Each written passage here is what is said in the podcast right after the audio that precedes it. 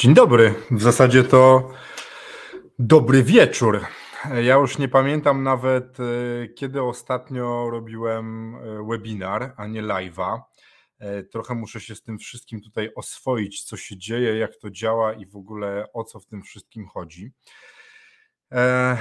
I dzisiaj będę miał nawet prezentację. Dzisiaj jestem przygotowany z prezentacją. Będę pokazywał i opowiadał o temacie który dotyczy mnie. Będę mówił o sobie, więc historia będzie dla mnie bardzo interesująca. Mam nadzieję, że dla Was też. A będę opowiadał o tym, dlaczego sprzedałem swoje firmy. I będzie to taka troszkę spowiedź. E, mam nadzieję, że będziecie tutaj ze mną i będziecie zadawali pytania. Będę opowiadał o rzeczach, które są dla mnie też e, trudne i o których wcześniej chyba też nie opowiadałem, bo powiem e, w zasadzie.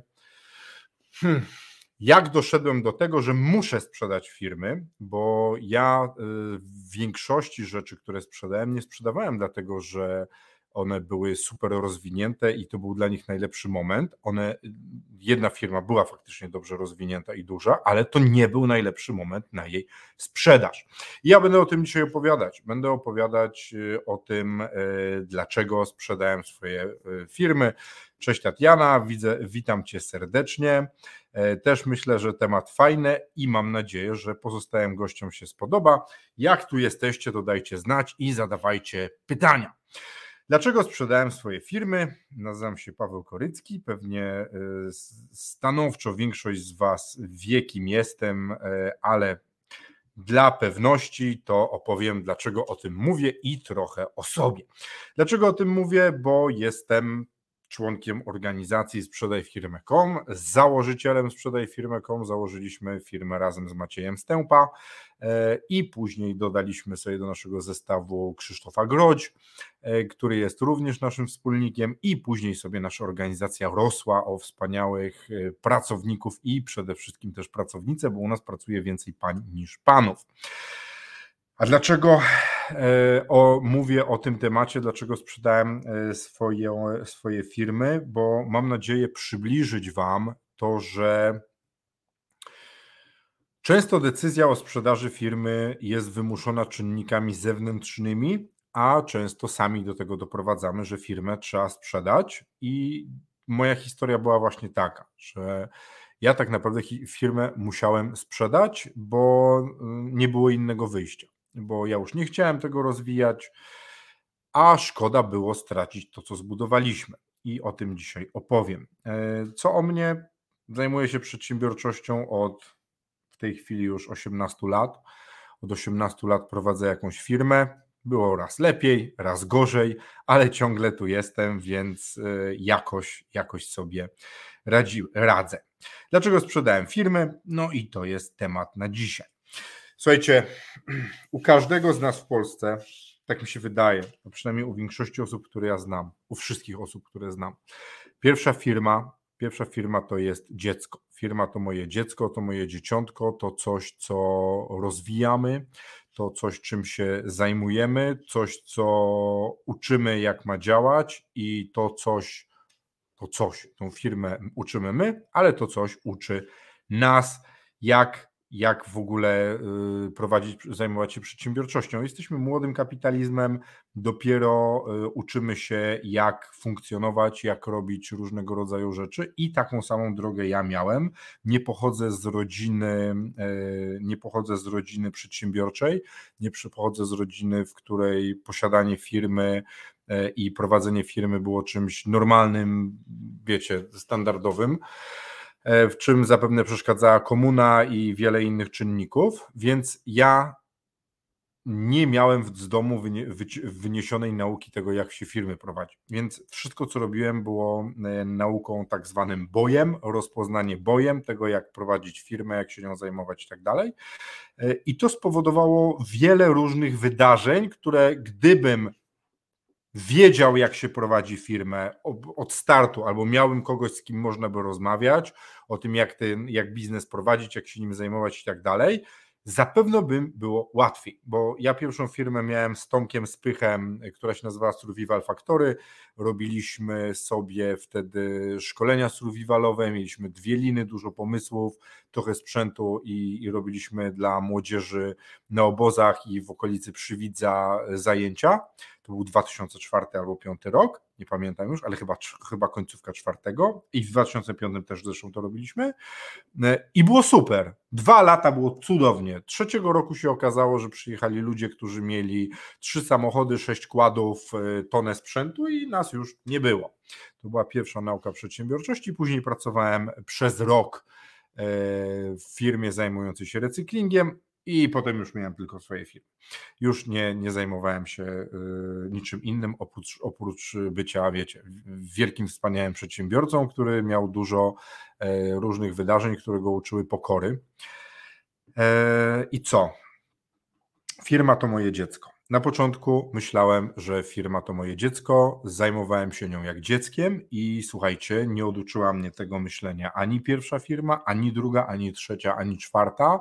Dopiero e, ta ostatnia, która urosła największa, Profit Plus, i między innymi dlatego, że urosła tak duża i że miałem wspólnika Macieja, który e, już wtedy był bardzo mądry i wiele rzeczy mnie nauczył, zmieniło się moje myślenie. I o tym dzisiaj opowiem. Co sprawiło, że podjąłem decyzję o sprzedaży firmy? Dwie rzeczy. E, dwie grupy rzeczy i pierwszą z tych grup rzeczy są błędy. Błędy, które y, co? Nie ktoś popełnił, tylko w większości wypadków ja popełniłem. Popełniłem ja lub e, osoby, które ze mną były i współpracowały. A jakież to były błędy? Jakież błędy można popełnić i popełniłem ja, które doprowadziły do tego, że już chciałem sprzedać firmę, bo nie sprzedałem jej w najlepszym momencie. Sprzedałem ją wtedy, kiedy sprzedaż była jedynym wyjściem, bo już naprawdę nie chciałem zajmować się tym, czym się zajmowałem. No więc jakie to były błędy? Największe błędy były związane z ludźmi. Z ludźmi, z którymi pracowałem, z którymi obcowałem, którzy pracowali ze mną e, i, i tak naprawdę do dzisiaj najbardziej Hmm. Obawiam się e, wyzwań związanych z zarządzaniem, z zarządzaniem ludźmi e, i z pracą z ludźmi, bo maszyny się łatwo wymienia, e, sprzęt się łatwo kupuje, produkty się naprawdę łatwo projektuje i łatwo się je naprawia. Największe wyzwania zawsze mamy z ludźmi, bo jak mamy w, firmie cztery osoby, to już każda z tych czterech osób może mieć inną koncepcję na to, co mamy i jak mamy robić. E, cześć Rafał, e, wpadł Rafał Reszka, błędy ważna rzecz, miło Ciebie widzieć, mój serdeczny przyjaciel. I słuchajcie, są trzy grupy ludzi, z którymi popełniłem błędy, które doprowadziły mnie do myślenia o tym, że firmę moją chcę sprzedać, a nawet nie chcę, tylko muszę sprzedać. Po pierwsze wspólnicy. W trakcie tworzenia Profit Plusa, znaczy w ogóle tak, przed Profit Plusem miałem kilkoro różnych wspólników. Różnie się układało, jedni byli fajni, inni byli niefajni. Przez niektórych czuję się oszukany i niektórzy pewnie czują, że ja byłem dla nich niedobry. Okej. Okay. Ale w ostatniej firmie, w ostatnim zestawie firm, które stwierdziliśmy, że będziemy sprzedawać, popełniliśmy, ja popełniłem, ja będę mówił o sobie, no to, to nie będę tego zwalał na nikogo innego. Po pierwsze, wspólnicy. Wspólnicy e, byli dobrani nie ze względu, nie, inaczej. Niektórzy wspólnicy, których mieliśmy, byli dobrani nie ze względu na kompetencje, a ze względu na um, lubienie kogoś, na to, że jesteśmy albo ja, Macie, albo ktoś inny był kolegą, znajomym bo nam się dobrze rozmawiało, bo nam się dobrze robiło biznes, bo się znamy od dawna i tak dalej. I powiem Wam tak, no gorzej kurde zrobić nie można. Wspólników do biznesu nie wybieramy po tym, że nam się z nimi fajnie rozmawia i dobrze nam się z nimi y, chodzi na imprezy i to, że jesteśmy długo kumplami albo koleżankami, to znaczy, że załóżmy razem firmę, tylko wspólników i wspólniczki bierze się do biznesu ze względu na ich kompetencje, doświadczenie i umiejętność radzenia sobie z różnymi sytuacjami, a nie dlatego, że jesteśmy znajomymi. I to był pierwszy błąd związany ze wspólnikami.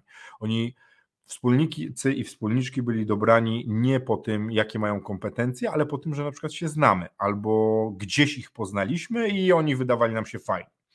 Zupełnie inne teraz mamy podejście, zupełnie inaczej o tym myślimy, o czym wskazuje to, że wspólników jest y, u nas trójka, ale większy, tak naprawdę w większości firm, które posiadamy i projektów, które teraz rozwijamy, to wspólników jest dwóch. Jeden tu siedzi, a drugi y, jest w Borkowie i nazywa się Maciek. Mm, dlaczego? Bo kolejnym błędem związanym ze wspólnikami, oprócz tego, że byli źle dobrani, e, co doprowadziło do różnych e, trudnych e, wydarzeń w firmie, było to, że nie mieliśmy wszystkiego dobrze umówionego. I przede wszystkim wierzyliśmy w demokrację. Demokracja wśród wspólników. To jest takie, wydaje nam się oczywiste, nie? że przecież jak mamy wspólników i wspólniczki i razem tworzymy biznes i firmę, to powinniśmy podejmować decyzje demokratycznie i tu nic bardziej mylnego. Powinna być jedna osoba, która jest liderem, i pozostałe osoby mogą jej radzić, jak robić różne rzeczy. Tylko problem jest taki, że jak macie za dużo ludzi, które chcą zarządzać firmą, to jesteście w dupie bo inaczej się tego powiedzieć nie da. Bo my mieliśmy na przykład tak, że piątek od godziny 12 albo 13 to było spotkanie operacyjne podsumowujące różnego rodzaju rzeczy i rozmawialiśmy o tym, co robić dalej. I teraz sobie wyobraźcie, że takie spotkanie operacyjne składa się z samych wspólników, którzy wszyscy chcą, żeby było tak, jak oni chcą, żeby było. Więc sobie przez na przykład 4 albo 5 godzin dyskutowaliśmy o rzeczach, które niektórym ludziom wydawały się ważne a nie były ważne dla firmy.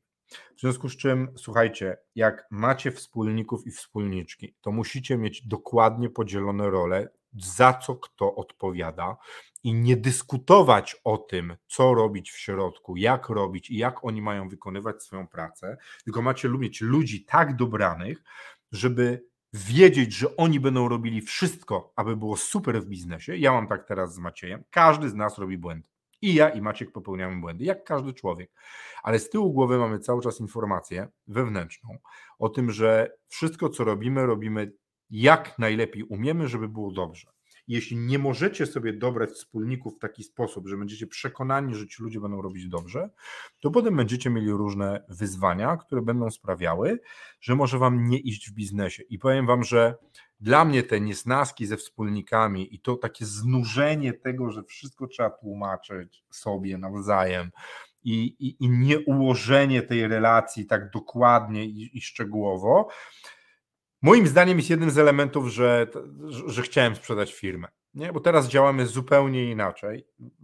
Totalnie. No, nie dość, że nie mamy aż tyle wspólników, no to jeszcze e, e ostatnie zdanie w różnych kwestiach ma Maciej ale nie wpitala mi się do tego, jak robimy marketing. Ja mu się nie wpitalam do, y, do zarządzania y, ludźmi i nie, nie ładuję mu się w kwestie sprzedażowe. Bardzo dużo rozmawiamy. Bardzo dużo, naprawdę. Ja nigdy z nikim nie rozmawiałem i zapewne nie będę rozmawiał tyle przez telefon popołudniami, wieczorami, jadąc na siłownię, co to z Maciejem, więc mamy bieżący update zrobiony. I wydaje mi się, że przestaliśmy się kłócić, tylko rozmawiamy. Ale słuchajcie, naprawdę nieułożenie relacji ze wspólnikami jest dramatem, który sprawił, że ja chciałem naprawdę już odejść z firmy, bo najgorszy jest wróg wewnętrzny. Ale na, na, rozumiecie, żebyście mnie dobrze zrozumieli. Ci ludzie nie byli wrogami po prostu mieli jakieś swoje, y, mieli jakieś swoje, jakąś swoją strategię rozwoju siebie i biznesu, która nie była do końca połączona ze wszystkimi. Te trybiki się nie, nie zatrybiały pomiędzy wspólnikami. Zresztą na tych wszystkich doświadczeniach powstał pro, produkt, który się nazywa Konstytucja Wspólników i, i, i on dlatego jest, żeby, żeby działać. No więc pierwszym zestawem błędów, które zostały popełnione, były błędy ze wspólnikami, I teraz, jak patrzę sobie już po czasie, bez emocji, to każdy z tych wspólników, gdybyśmy mieli inaczej ułożoną relację wspólników i wspólniczek, i gdyby ci ludzie byli zweryfikowani pod względem przedsiębiorczości, zapewne zupełnie inaczej by nam się rozmawiało. Nie?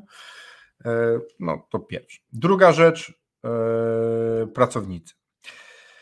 Ja w ogóle miałem wtedy jeszcze taki pomysł, to to pierwsza rzecz, ja w ogóle miałem taki pomysł, żeby stawać się e, kumplem pracowników.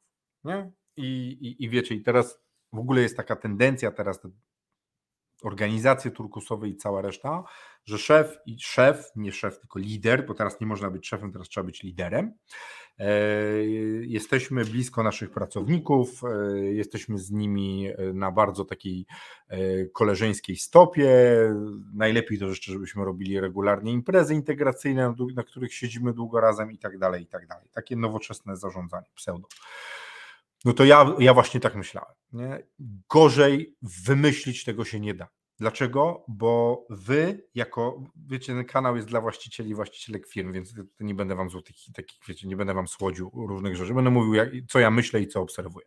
Więc gorzej się nie da zrobić, jak stać się kumplem, bo możecie być przyjacielem waszych pracowników, przyjacielem ludzi, którzy z wami pracują i współpracują, ale nie możecie być kumplem. Jaka jest różnica? Bo wiecie, przyjaciel, kumpel to to samo, nie? A, a to nie jest prawda.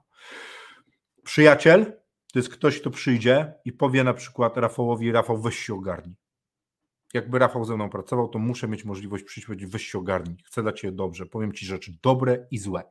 Kumpel to jest ktoś, z kim w czwartek siedzimy do trzeciej rano, się bawimy, mówimy sobie, że, Rafał bardzo szanuje, że jest najlepszy na świecie, a potem rano, w piątek, przychodzicie do tego gościa i mówicie mu, stary, śmierdzisz alkoholem.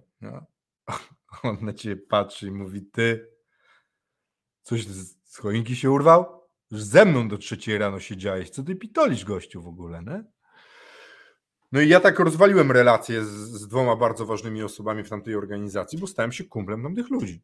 Ludzi, którzy z nami pracowali, którzy nie mieli statusu nawet, wiecie, wspólnika i tak dalej, tylko z nami w ogóle pracowali. To, to, to jest totalna porażka.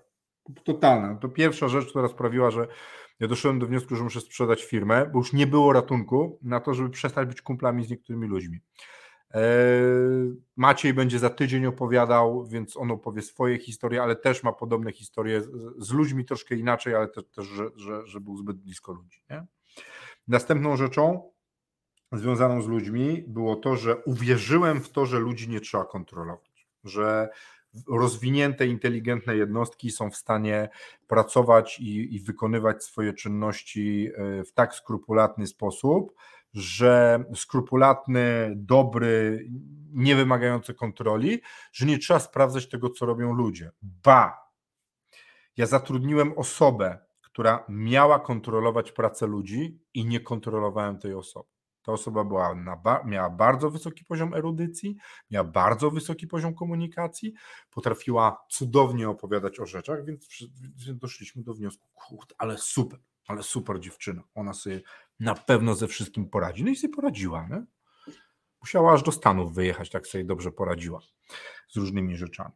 Więc yy, też to, że yy, no kurde, ludzi się kontroluje po pierwsze dlatego, że każdy z nas robi błędy. My teraz wprowadzaliśmy u nas w firmie, w sprzedaj firmę.com, Y, podwójny system kontroli reklam, które wychodzą, bo potrafiły się pojawiać błędy z różnych przyczyn, bo ktoś coś źle napisał, bo przy robieniu Ctrl-C, Ctrl-V coś się rozjechało i na przykład słowa się y, dziwnie poukładały i zdania traciły sens, bo na przykład pomiędzy y, Excelem, robiąc kopię między Excelem, arkuszami Google i czymś tam, coś się rozsypywało. I też zrobiliśmy system kontroli Tatiana teraz wprowadza odnośnie reklam, a my nie kontrolowaliśmy pracy ludzi wtedy, bo byliśmy, wychodziliśmy z założenia, że do, jak zatrudnia się fajnych ludzi, to, to oni będą, nie będą robić błędów, co było, co było na, moim, moim błędem na pewno. Takie, już to jest wygodne, nie? nie trzeba kontrolować, znaczy, że jest mniej pracy i generalnie spoko. E, I kolejna rzecz z pracownikami. E, chcieliśmy robić z pracowników przedsiębiorców. To było strasznie głupie. Boże, jakie to było durne. Pracownicy przychodzą do waszej firmy, żeby pracować, chcą być na etacie i mają wykonywać pracę, a wy za tą pracę dajecie im pieniądze. Trzeba być fajnym gościem, trzeba pomagać i tak dalej, i tak dalej, ale nie robić przedsiębiorców z pracowników. Gdyby chcieli być przedsiębiorcami, mieliby swoje firmy, A najgorsza opcja dla właścicielki i właściciela firmy to jest wziąć taki, taką osobę, która nie chce być właścicielem firmy i zmuszać ją do przedsiębiorczości. To nie dość, że ta osoba nie stanie się przedsiębiorcą, nie stanie się osobą przedsiębiorczą, to jeszcze was kurka znienawidzi. Nie? I wtedy już będzie, będzie pozamiatane. Będzie pozamiatane. E, no i ostatnia rzecz związana z pracownikami, e, która była totalnym działaniem wbrew temu, co mówią e, ludzie od zatrudniania. To znaczy, zasada powinna być taka: zatrudniaj powoli, zwalniaj szybko. A my robiliśmy dokładnie kurde odwrotnie. Dokładnie odwrotnie. To znaczy, szybko zatrudnialiśmy, bo firma się strasznie szybko skalowała. Strasznie. My dobiliśmy do 70 kilku osób w, w 4 lata. Nie? Więc na biznes, który nie jest związany z IT, na biznes, który nie jest związany z nowymi technologiami, który nie jest zasilany inwestorem, który sypa, sypie pieniądze jak do, w lokomotywie do pieca, tylko przy wzroście organicznym urośliśmy moim zdaniem bardzo szybko no i zatrudnialiśmy ludzi za szybko, ze zbyt małą weryfikacją i zwalnialiśmy ich za długo bo mieliśmy też jeszcze takie myślenie, że my jesteśmy za tych ludzi bardzo odpowiedzialni, za to, że oni z nami są, że oni poświęcają nam swoje życie, w związku z czym jak im nie idzie, to znaczy, że to jest nasz błąd, nasza wina, trzeba ich przenieść w inne miejsce, oni tam robili błędy takie same, tylko w innym miejscu i w ogóle do kitu.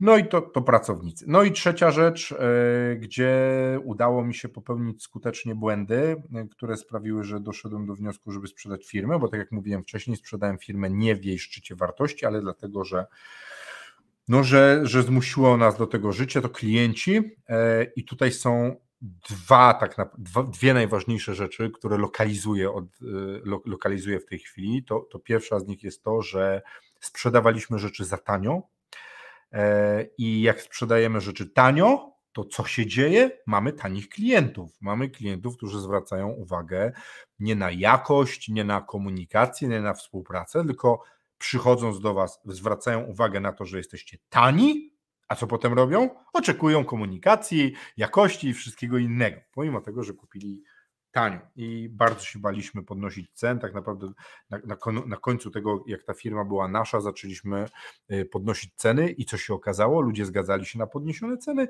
było więcej pieniędzy, ale my już nie mieliśmy serca do tego, żeby to prowadzić. I to sprzedawanie za tanio rzeczy to jest w ogóle ogromny, gigantyczny problem y, w, w przedsiębiorczości, bo jeśli walczycie, walczycie ceną, a nie jesteście funduszem, korporacją, kimś, kto ma ogromne zasoby finansowe, żeby móc walczyć ceną i sprzedawać poniżej cenów produkcji, to generalnie umrzecie. Tak. Dopiero odpowiednia ilość pieniędzy za sprzedaż produktu będzie Wam pozwalała na to, żeby zatrudniać odpowiednich ludzi, e, mieć nadwyżkę finansową, która z kolei pozwoli Wam uzyskać kredyt, bo żeby dostać kredyt na rozwój, musicie udowodnić, że macie pieniądze. Nie? Więc to jest ważne. A drugą rzeczą związaną z klientami to było e, brak mm, stanowczości we współpracy z klientami, to znaczy zbyt pobłażliwie podchodziliśmy do kwestii niepłacących klientów, którzy nam nie płacili często miesiącami e, i oni dostawali bardzo tani, nieoprocentowany kredyt kupiecki, a my mieliśmy problemy z płynnością. Więc to te trzy rzeczy, które takie lokalizuję względem ludzi, które doprowadziły do tego, że, e, że podjąłem decyzję o sprzedaży firmy, tego zestawu firm, bo to, było, e, to, był, e, to była księgowość, kancelaria prawna, kancelaria podatkowa, grupa zakupowa i tam jeszcze kilka innych rzeczy, które sobie funkcjonowały. Następną rzeczą, zestawem rzeczy, które doprowadziły do tego, że mm, doszedłem do wniosku, że firmy trzeba sprzedać, to byłem ja. Bo żeby nie było tak różowo, no, różowo z mojej perspektywy, nie? że to tam wiecie, klienci byli niedobrzy, ludzie, których zatrudniałem, nie byli odpowiednio dobrze zatrudnieni i tak dalej, no to ja tutaj szczerze Wam teraz mówię, że ja również robiłem, te, też oprócz tych błędów, które zrobiłem, ja byłem problemem.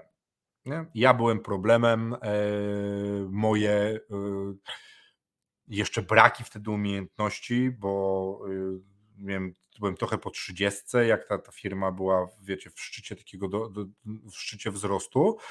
I nie miałem odpowiednich umiejętności, żeby zarządzać tak dużą organizacją. Nie byłem też na tyle pewny siebie, żeby trzasnąć dłonią w stół i powiedzieć, żeby pewne rzeczy się zmieniały i że trzeba je zmieniać.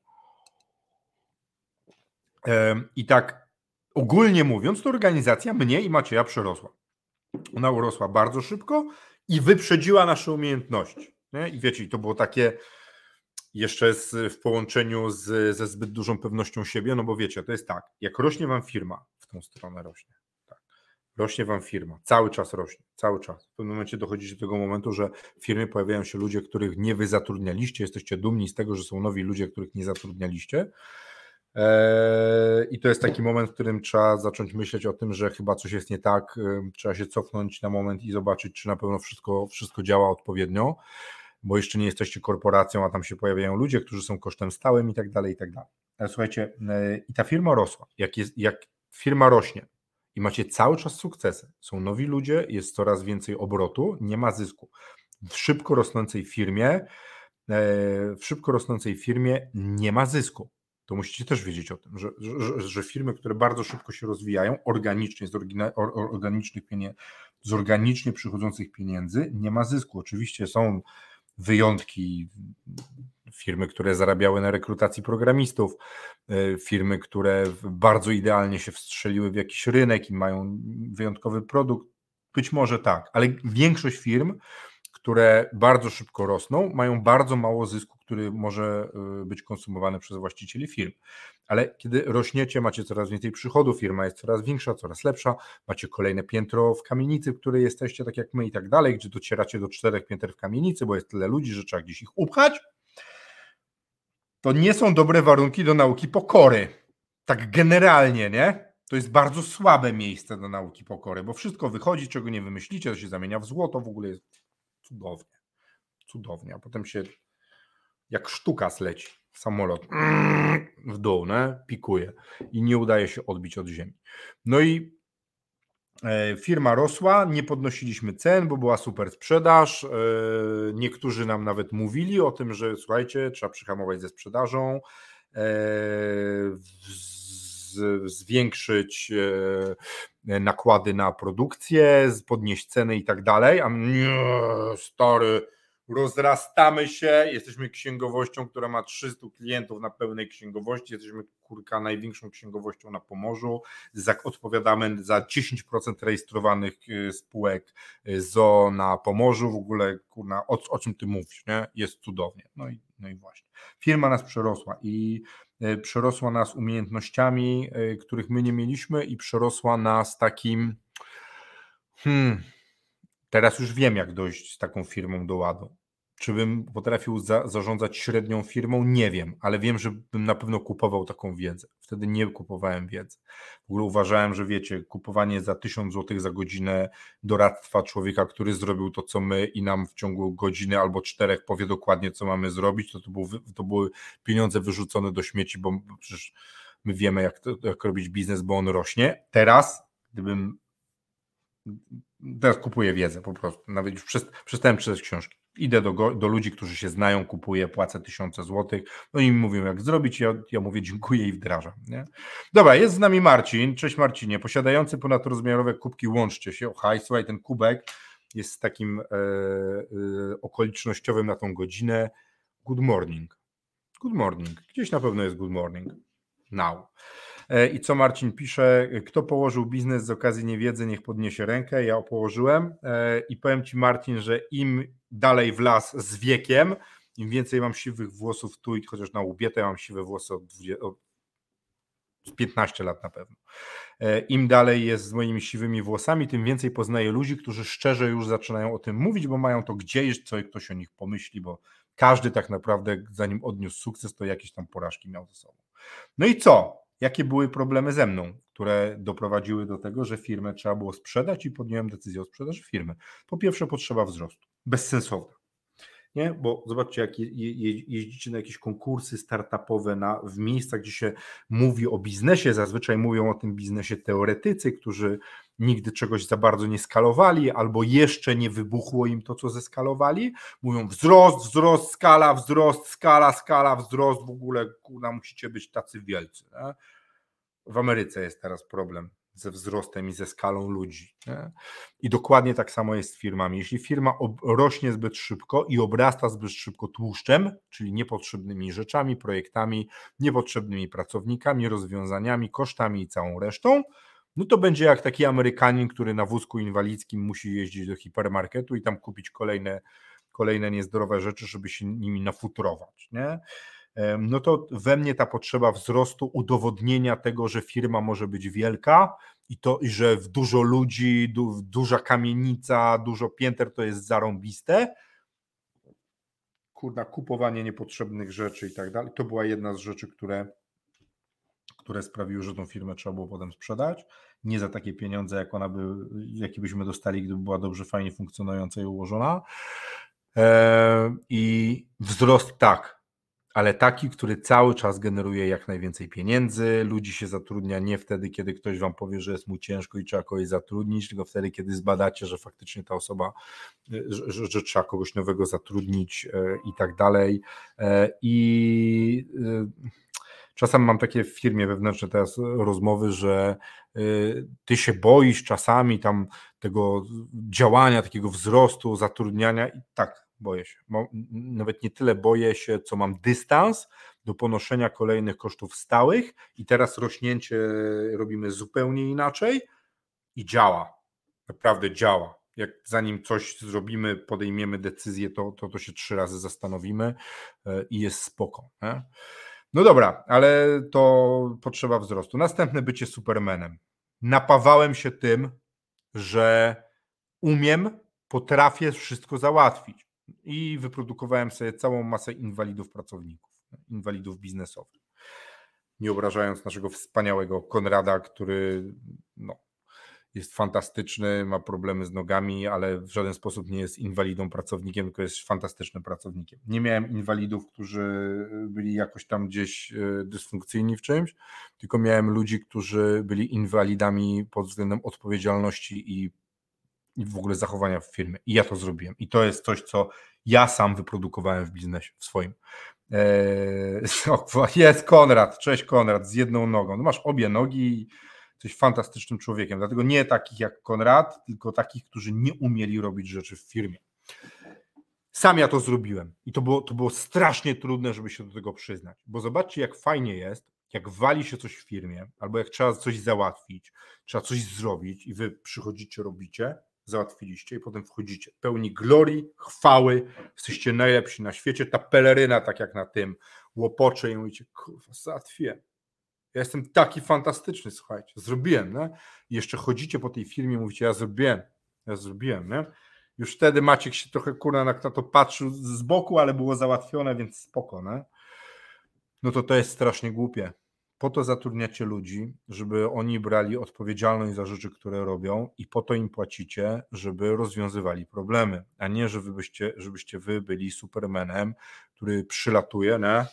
Tam, da, da, dam, i naprawia rzeczy strasznie, strasznie dużo kłopotów to robi. Naprawdę. To jest, to jest tak potężne potem wyzwanie, żeby to prostować i takie duże to robi problemy, że to się w głowie nie mieści.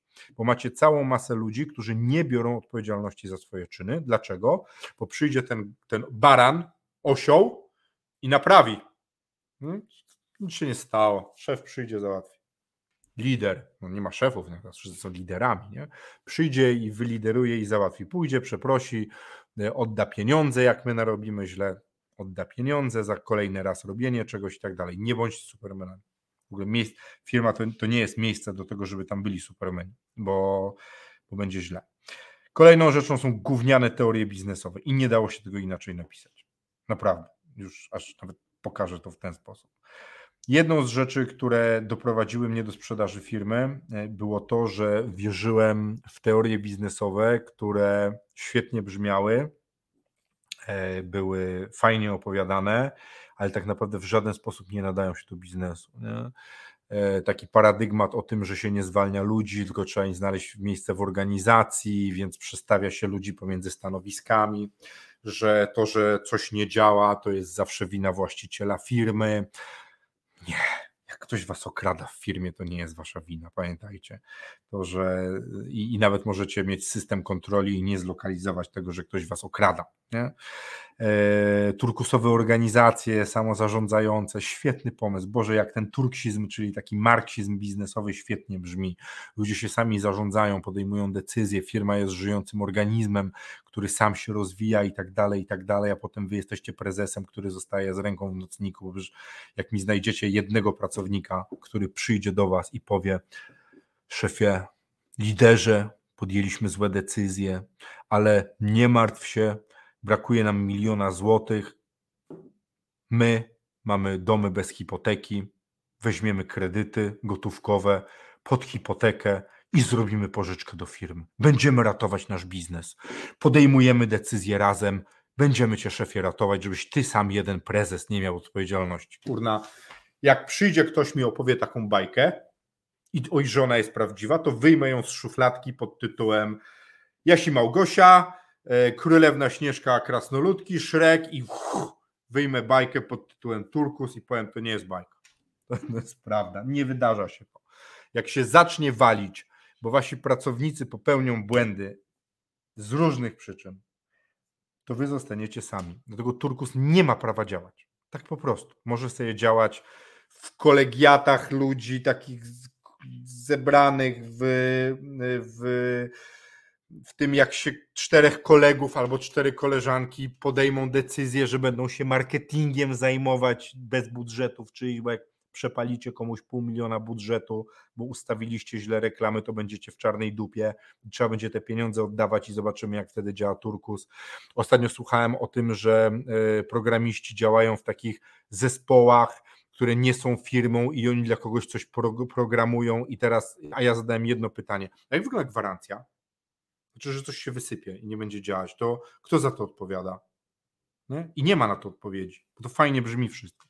Dlatego korporacje nie kupują takich wynalazków. Korporacje chcą mieć ubezpieczenie i klienta po drugiej stronie, który będzie po prostu robił to, co ma robić, więc liderzy jedzą na końcu, zaczynają od dlaczego to wszystko fantastycznie brzmi. W biznesie chodzi o jedną rzecz, o robienie pieniędzy. I e, jak jesteście korporacją, to możecie sobie dorabiać E, CSR, możecie sobie dorabiać, zaczynają od dlaczego i opowiadać takie rzeczy, bo już naprawdę nie ma czym tych ludzi w środku motywować. Firma, i, i wiecie, kiedy giną te wszystkie teorie? To pandemia to pokazała. Jak przyszła i trzeba było walczyć o przetrwanie, bo relacje w biznesie i to wszystko się rozsypuje w momencie, jak pojawia się instynkt samozachowawczy. I teraz ja mam, zresztą nagrałem o tym filmik, ostatnio on wejdzie na, na kanał Silver Unicorns, o tym, że znowu jest dobrze w biznesie, bo znowu się pojawili różni ludzie mówiący o fantastycznych rozwiązaniach biznesowych. Nie? Co jest ciekawe też, zazwyczaj te teorie takie biznesowe e, opowiadają ludzie, którzy nigdy w życiu nie mieli własnej większej firmy, tylko są doradcami biznesowymi żyjącymi z, te, z opowiadania o tym, jaki turkus jest zarąbisty. Dobra, koniec męczenia. Jedną z przyczyn tego, że chciałem sprzedać firmę i doprowadziłem ją do takiego stanu, że ona już mogła być tylko na sprzedaż, że nie chciałem w niej być, było wierzenie w teorie biznesowe i częsta zmiana kierunku. To jest w ogóle zmora obecnych czasów. Naprawdę. Dlaczego? Bo można robić wszystko w biznesie. Czego sobie nie wymyślicie tego teraz, to możecie robić. No może oprócz wysyłania czegoś do Rosji, ale jak się uprzecie, też pewnie wyślecie.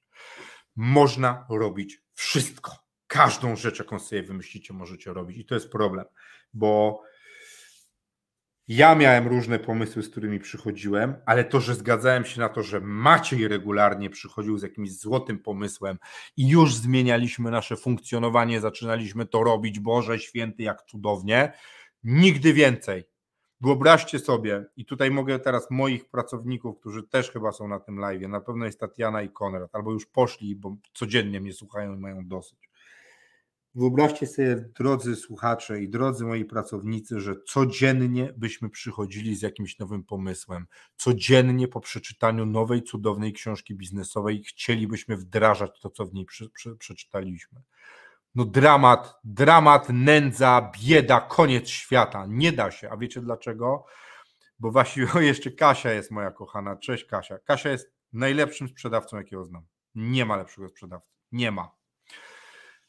E, bo jak ludzie przychodzą do Was do pracy to chcą mieć stabilność tego, co się będzie działo i jak będziecie robić. I są naprawdę ludzie, no, no i najwspanialsi ludzie ze mną pracujący są otwarci na nowe rozwiązania, możliwości, ale nie róbcie, nie róbcie ludziom z głowy, w ogóle z mózgu wody, że ciągle zmieniacie kierunek działania. Nie, to po prostu to się rozsypie, bo ludzie nie chcą tego, nie chcą niepewności, co, z czym jutro przyjdzie prezes, bo co akurat przeczytał, nie? Ja w ogóle ograniczyłem czytanie książek biznesowych, tak bardzo dramatycznie. Kiedyś w szczytowym roku przeczytałem 55 książek o biznesie, albo 3, nieważne. Taka liczba, że tygodniowo wychodziła jedna książka. Nie czytam już tak. Kupuję doradztwo, uczę się konkretnych rozwiązań, przestałem czytać właśnie przez to, że zaśmieca sobie człowiek głowę różnymi beznadziejnymi rozwiązaniami. No i dlaczego sprzedałem firmę? Bo ja byłem strasznie zmęczony. Ja byłem strasznie zmęczony prowadzeniem tamtej firmy, ciągłymi kłopotami spowodowanymi tym, o czym powiedziałem wcześniej, tym, że nie byłem wystarczająco dojrzały, żeby zarządzać taką organizacją. E, I to sprawiło, że chciałem już sprzedać firmę. Nie chciałem. Maciej przyszedł do mnie, tak strzela mnie, 2016 rok, przyszedł do nas, powiedział: Słuchajcie, to zacznijmy sprzedawać firmy. Matko Boska, co ten człowiek od nas usłyszał ty taki, siaki, sraki, to jest nasze dziecko, yy, chcesz sprzedać nasze dziecko, nie sprzedamy firmy. Na początku 2017 roku Maciej przyjechał do mnie do domu, gdzie ja byłem pijany, nie piję od tamtego czasu, byłem pijany i mu powiedziałem, że nigdy więcej nie przyjdę do pracy, mam serdecznie dosyć, nie chcę czytać maili, gdzie są ludzie niezadowoleni, w ogóle dupa i kamieni kupa. Nie chcę. Nie? I bo ja byłem tak zmęczony tym, co się działo, bo popełniłem te błędy, które popełniłem wcześniej. I słuchajcie, ten MBA tworzenia takiej organizacji, takiej firmy, która urosła, była duża, generowała przychody, miała setki klientów i wyglądała świetnie z zewnątrz. W środku był gość, który nie chciał już mieć tej firmy. Nie? I to sprawiło, że zmieniło mi się myślenie bardzo mocno od tego slajdu, który był na samym początku, który mówił: Firma to moje dziecko, to doszedłem do miejsca, w którym już wiem, że firma to nie jest dziecko. Firma nie jest naszym dzieckiem. Nasze dziecko jest naszym dzieckiem. Nasze dzieci są naszymi dziećmi. Dzieci nie sprzedamy, dzieci nie zamkniemy, dzieci nie zlikwidujemy, nie poddamy upadłości, nie skonsolidujemy, nie potniemy na kawałki i nie sprzedamy w kawałkach różnym ludziom. Nie zrobimy tego wszystkiego, bo dzieci się kocha bezwzględną miłością, a firma jest od tego, żeby robić pieniądze, żeby pomnażać wasz majątek. I naprawdę to myślenie, które dzięki, te, dzięki tym wszystkim wydarzeniom, które były trudne, jestem bardziej siwy niż byłem, doprowadziły mnie do tego, do myślenia, że firma to inwestycja.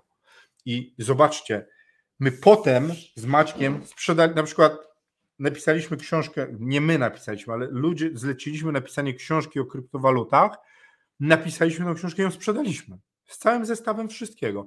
Bez sentymentu, bo to był świetny, w tym momencie była świetna okazja na to, żeby, ją, żeby sprzedać ten zestaw i zmonetyzować to, co zrobiliśmy. Czy jak robicie firmę dziecko, to będziecie myśleli o tym, że to jest najlepszy moment na sprzedaż tego dziecka? Absolutnie nie. Firma to inwestycja. A co jest najważniejsze w inwestowaniu? Wysokość zwrotu do tego, co zainwestowaliśmy. I, i dla mnie to, to, ta zmiana myślenia, te wszystkie wydarzenia, które się wydarzyły w tej firmie, we wcześniejszej, wcześniejszymi przeżyciami ze wspólnikami, to, że czuję się oszukany przez niektórych wspólników, niektórzy pewnie uważają to samo ze mną i tak dalej, i tak dalej, doprowadziło mnie do tego myślenia, że firma to nie jest, to nie jest dziecko. Firma to jest inwestycja. Firma nie może być samozatrudnieniem. Firma nie jest firmą, jeśli jest samozatrudnieniem. Kasia Pawełek, nasza wspaniała, która jest naszą e, sprzedawczynią, pierwszym kontaktem e, z naszą firmą. Do nas trafia teraz do 30, około 30 lidów tygodniowo. Większość firm w Polsce to jest samozatrudnienie. To nie są firmy, to nie są byty, które można sprzedać. To są to jest właściciel lub właścicielka firmy, obrośnięci całą masą asystentów i asystentek. Te, ci asystenci i asystentki mają różne, różne nazwy. Nie? nie, że asystentka od zarządzania sprzedażą, tylko to jest dyrektor sprzedaży, nie asystentka od marketingu, tylko jest dyrektor marketingu. Ale dalej, jak wyjmiemy tego szefa, ne, to tam nie ma nic, nic, żadnej decyzyjności. Więc firma nie może być samozatrudnieniem i, i trochę, może nie tą ostatnią firmę, ale wcześniejsze firmy, które robiłem, to były moje królestwa w ogóle. Królestwo to, to, jest kolejna rzecz. E, ja podjąłem decyzję też o sprzedaży firmy, bo ona trochę wyglądała jak królestwo. Już nie aż tak jak wcześniejsze moje biznesy, ale naprawdę musicie sobie odpowiedzieć na takie pytanie, czy chcecie być królem, królową, czy być bogaci. Bo jak chcecie być bogaci, to podejmujecie logiczne decyzje, budujecie firmę jak inwestycje, budujecie firmę na sprzedaż, nawet jak chcecie je sprzedać, to ona wygląda jak firma na sprzedaż, bo jest poukładana na tu i teraz dobrze działający biznes, który można sprzedać. Albo budujecie królestwo, gdzie jesteście królem, królową, ze złotym berłem i zarządzacie tym swoim waszym zamkiem i wszystkim innym. Miałem zamek cztery piętra. Ja pierdzielę, jak ja teraz o tym myślę, to mnie krew zalewa, ile pieniędzy zapłaciłem komuś za te biura. Jeszcze wyremontowałem te biura. Matko boska. No i co? Podsumowanie. Firma to moje dziecko. Nie, firma to inwestycja. Tak. 45 minut, 20 osób e, cały czas na naszym webinarze dzisiejszym. Jestem strasznie szczęśliwy, że byliście e, tutaj ze mną. Słuchajcie, e, webinar za tydzień taki sam o tym samym z Maciejem. Maciej opowie swoją perspektywę, będzie bardziej na pewno filozoficzna niż moja. A ja osoby, które zastanawiają się nad sprzedażą firmy swojej, zapraszam na nasze szkolenie, które odbędzie się w marcu, które odbędzie się 16-17 marca w Warszawie, stacjonarne. Zapraszam na www.sprzedajfirmę.com i tam po prawej stronie jest zakładka sprzedaj e, szkolenie o sprzedaży firm i wrzucam też linka. Link jest w komentarzu pod filmami. Filmem. Dziękuję Wam uprzejmie, było super. Mam nadzieję, będziemy te webinary powtarzać. Jestem pod wrażeniem tego, ile Was tu było. Dziękuję bardzo. Do zobaczenia.